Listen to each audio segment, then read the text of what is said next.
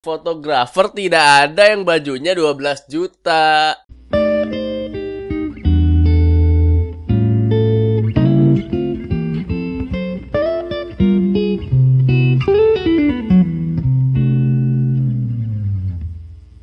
Selamat datang di podcast Keribo Keribo. Jadi beberapa hari lalu gue baru dikasih video satu video atau gue nonton satu video uh, YouTube dari channelnya Yoshi Oldo atau namanya kalau nggak salah. Dia nanya-nanyain outfit barang gitu sih. Berapa harga outfit lo? Jadi semua orang dicegat terus berapa harga outfit lo dari atas sampai bawah? Asik. Dari topi sampai apa segala macam segala macam kan. Terus di situ gue baru tahu gila men ternyata harga baju mahal-mahal banget ya gila. Ada orang yang ditanya gitu ya, berapa harga outfit lo terus dia jawab eh enggak ini sih gue murah lah ya murah. Baju gue murah kayak cuman apalah gue nggak tahu dia nyebut. Still deal still deal. Harganya 6 juta aja buset 6 juta aja cuy. 6 juta murah gitu loh. Gue aja beli kaos 300 ribu berasa ditipu gue. 6 juta nih orang tuanya berasa apa ya Terus gue cari tahu lah gitu kan. Ini orang kerjanya apa kok bisa gitu dapat duit sebanyak itu. Terus ternyata di video itu ada. Si orangnya baik nih MC-nya keren nih si Yolo dia nanya uh, ini buat orang awam yang belum tahu lo kerjanya apa? gitu. Dia jawab ternyata uh, gue cuma jalanin hobi aja ya jadi fotografer. Teman-teman saya yang fotografer tidak ada yang bajunya 12 juta pakai topi 9 juta gara-gara beli di Madrid. Tidak ada. Teman-teman saya yang fotografer baju 150 ribu. Ini gila. Heran gue dan buat dia murah gitu emang ya emang lifestyle sih. Gue gue habis nanya eh gue agak nggak ngerti awalnya kenapa gitu dia bisa mahal. Padahal dia nggak ngeluarin budget iklan di TV nggak ada. Kaos-kaos apa sih mereknya? Supreme apa eh, eh, Kenny apa lah nggak ada. Gue nggak pernah lihat gitu di TV sepatu apa sampai 20 juta. Gue nggak pernah lihat tapi kok bisa mahal di TV gue lihat iklan AP Boots motor. Murah. Padahal nyewa iklan TV. Minjem traktor buat di shoot masuk ke TV mahal tuh udah pasti. Tapi harganya murah tidak ada. Sepatu Kanye West nggak ada. Masuk dalam channel Indosiar tidak ada tidak bisa dibawa di sawah juga tapi kenapa mahal banget? Gue heran dong emang ini orang-orang yang fashionista banget nih gue gue kan nistanya doang ya gue gue gak ngerti akhirnya gue nanya sama temen gue ternyata itu asalnya dari kultur hip hop di luar negeri lah apa gimana gitu gue emang di sana tuh yang orang-orang hype beast hype beast tuh makanya kayak gitu kebanyakan pakaiannya tuh dipakai oleh rapper-rapper luar negeri kata temen gue. Gue gak gitu ngerti. Terus hal lain yang ngebedain adalah karena si barang ini baju ini kaos ini atau sepatu ini dijualnya limited edition. Jadi mungkin dia cuma diproduksi uh, satu kaos eh satu merek gitu. Ya cuma 100 kaos atau berapa gitu. Jadi mahal. Hal ini micu gue dong gue mau jual kaos. Tapi gue bagi-bagi setengah kaos doang. Sepatu kanan sama sepatu kiri gue pisah biar mahal sekali. Temen gue juga bilang katanya itu tuh mahal karena dia kolaborasi. Misalnya merek Nike. Kolaborasi sama atlet-atlet terkenal Nike featuring Firman Utina gitu atau apalah gue nggak ngerti juga lah gue tapi katanya gara-gara kolaborasi dia bisa mendongkrak. Tapi lagi-lagi itu tuh sebenarnya harga dari pabriknya nggak semahal itu. Bisa aja kayak 2 juta gitu standar lo beli dari Nike aslinya gitu. Tapi begitu udah di pasaran gara-gara jumlahnya sedikit dan orang-orang kayak terus dalam tanda kutip memburu sepatu itu atau kaos itu akhirnya orang-orang yang udah beli ngejual lagi dengan harga yang jauh lebih tinggi karena marketnya ada. Karena emang orang-orang butuh itu dengan nilai harga yang lebih tinggi lagi. Gila. Itu gila sih. Nah setelah nonton video itu Yoshiolo Gue kan sempat lihat video-video dia yang lain kan. Dia kayak Emang keren lah kayak tahu berbagai macam Jenis apa Merek Brand yang gaul-gaul apa yang mahal gimana terus dia suka nontonin video YouTube orang lain juga. Terus uh, dia ngeliat oh ini ternyata dia palsu. Oh ini asli. Dia bisa sebegitu ngebedainnya. Padahal cuma dari video gitu. Dia nontonin video orang terus dia tahu oh ini palsu. Oh ini asli. Sampai akhirnya gue ketemu satu channel YouTube lain. Namanya Mundut Mustafa Mundut Mustafa. Wah ini keren juga cuy nggak kalah. Dia sama lah berapa harga outfit lu tapi versi brand lokal. Dia nanya ke jalan-jalan ke mana gitu.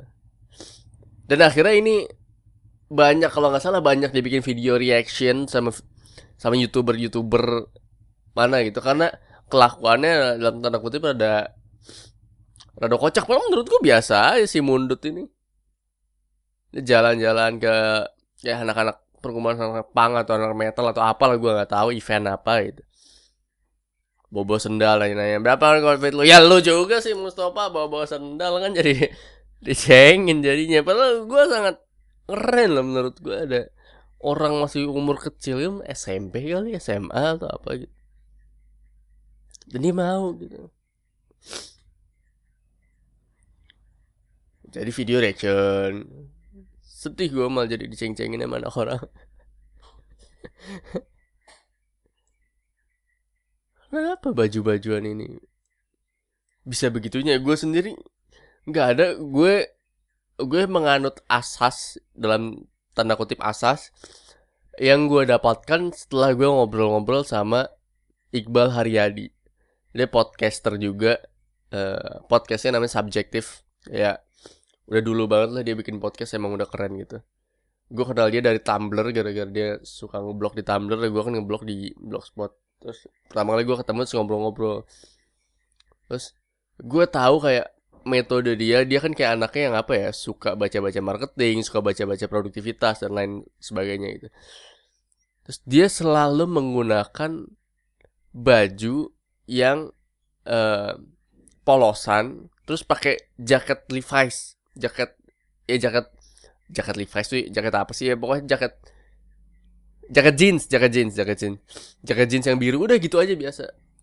Gue tanya kan karena di fotonya banyak lo pakai baju itu gitu. Kenapa sih lo sering pakai baju itu? Terus dia jawab jawabannya tuh kayak wah anjir lo keren banget. Ternyata itu tuh bukan karena dia males atau bukan karena dia nggak suka beli-beli baju tapi dia memang sengaja gak mau beli baju aneh-aneh. Kenapa karena ketika pagi hari lo mau beraktivitas supaya otak lu nggak mikirin kayak dalam tanda kutip hal-hal remeh seperti eh, gue hari ini pakai baju apa ya? Karena menurut dia menurut si Iqbal dibandingkan lo mikirin hal-hal kayak gitu gitu. Ya menurut kita kan simpel banget ya cuman ya udahlah gue pakai baju apa gitu.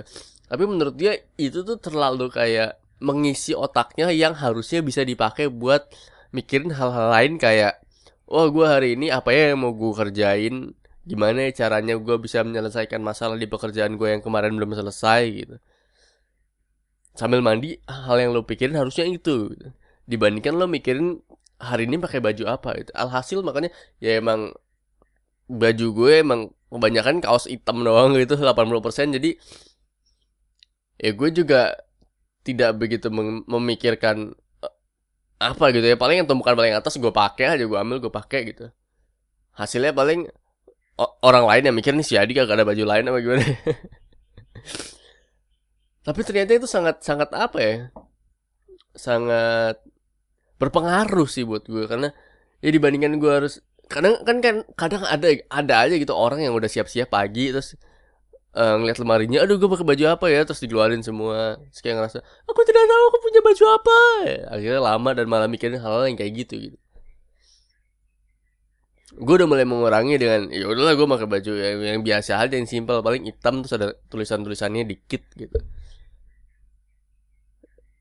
Karena dibanding mikirin ya dibanding mikirin gue pakai baju apa gue lebih pengen mikirin gue hari ini apa yang mau gue kerjain ya gila tuh keren gak sih ini sama kayak prinsip yang setelah gue baca gue nontonin video-video interviewnya founder Bukalapak ya Ahmad ini sama kayak gitu gitu uh, prinsip atau keputusan yang Bukalapak ambil saat memutuskan untuk menyiapkan makan siang sendiri buat karyawannya. Kenapa? Di kantor Bukalapak tuh dikasih makan siang. Karena kata si Ahmad Zaki, karena gue pengen karyawan-karyawan gue nggak mikirin lagi nih. Aduh, sekarang makan apa ya? Men kita makan apa nih? Eh makan apa? Udah nggak usah mikirin itu. Tapi yang lo mikirin adalah ya udah gimana nih kerjaan kita yang belum selesai aduh kita ngapain lagi nih atau aduh lo bikin proyekan apa lagi nih hal-hal yang lebih berguna dan lebih produktif gila tuh keren sih walaupun ke sana kan orang nggak mikir sampai segitunya gitu ya cuma makanan gitu ya cuma baju gitu tapi ternyata itu berdampak yang gue heran dari baju-bajuan adalah kenapa ada orang yang kayak memisahkan ada persetujuan tidak tertulis yang memisahkan antara baju formal atau pakaian formal dan tidak formal hanya dilihat dari jenis kain gitu. Enggak lo enggak dianggap lo tidak formal hanya karena baju lo terbuka gitu. Baju lo tertutup sempurna sobek enggak gitu. lo lengan panjang iya gitu. Tapi lo dianggap nggak formal. Apa gitu? Lu kayak celana lu gitu. Lebih tebel dikit gitu lu pakai jeans tapi dianggap oh enggak enggak formal. Kalau lo mau formal lo harus tipisin dikit lah sama kain kain apa sih? Lo pakai sepatu gitu kanvas kain gitu.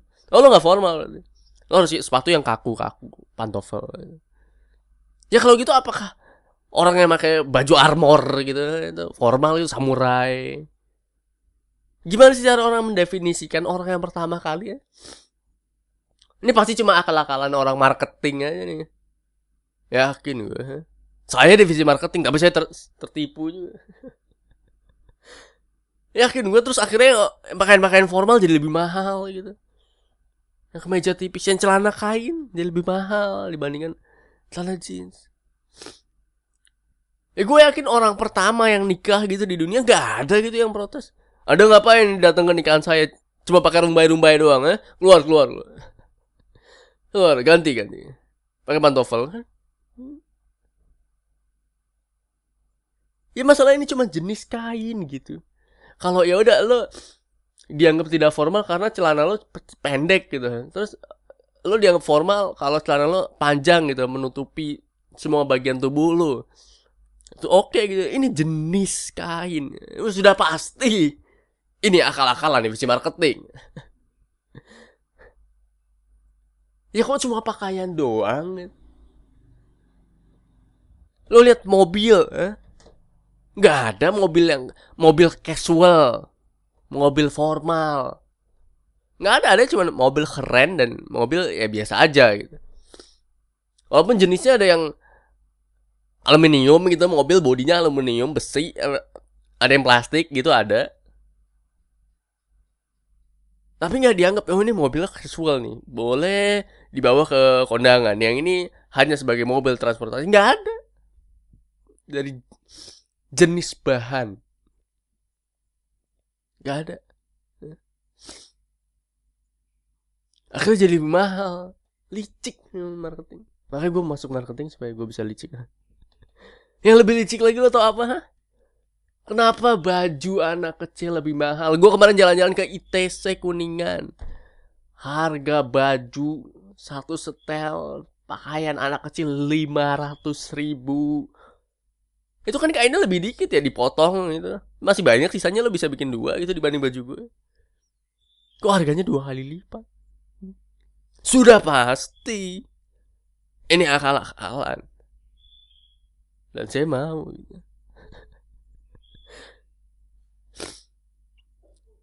mana gitu gue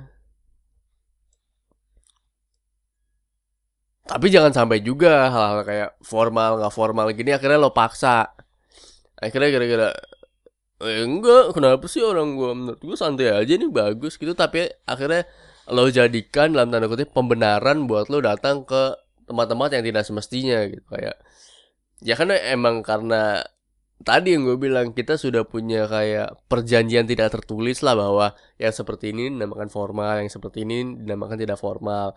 Apa pun bentuknya ya. Ya terus jangan lo jadikan pembenaran bahwa "Eh, siapa nih enggak enggak harus ini jadi tidak formal ya enggak gitu juga. Itulah kenapa ada orang yang ke kampus pakai sepatu futsal. Kan tidak bisa. Sepatu futsal olahraga. Di kampus mau ikut ekskul apa gimana? Tidak. Jangan sampai makanya. Akhirnya lo nikahan gitu. Pakai baju basket tidak bisa. Jangan dijadikan benaran jumatan pakai sneakers ya kan nih pak lepas juga sama jangan dijadikan pembenaran sama. Ya kalau main basket jangan pakai jas ya sama, jangan jadi benaran. Ini yang penting sesuai dengan kenyamanan lo aja. Tapi jangan jadi benar. Terus diulang. ya pokoknya gitu aja kali uh, podcast kali ini. Uh, sekian. Lo lebih suka pakai baju yang kayak apa?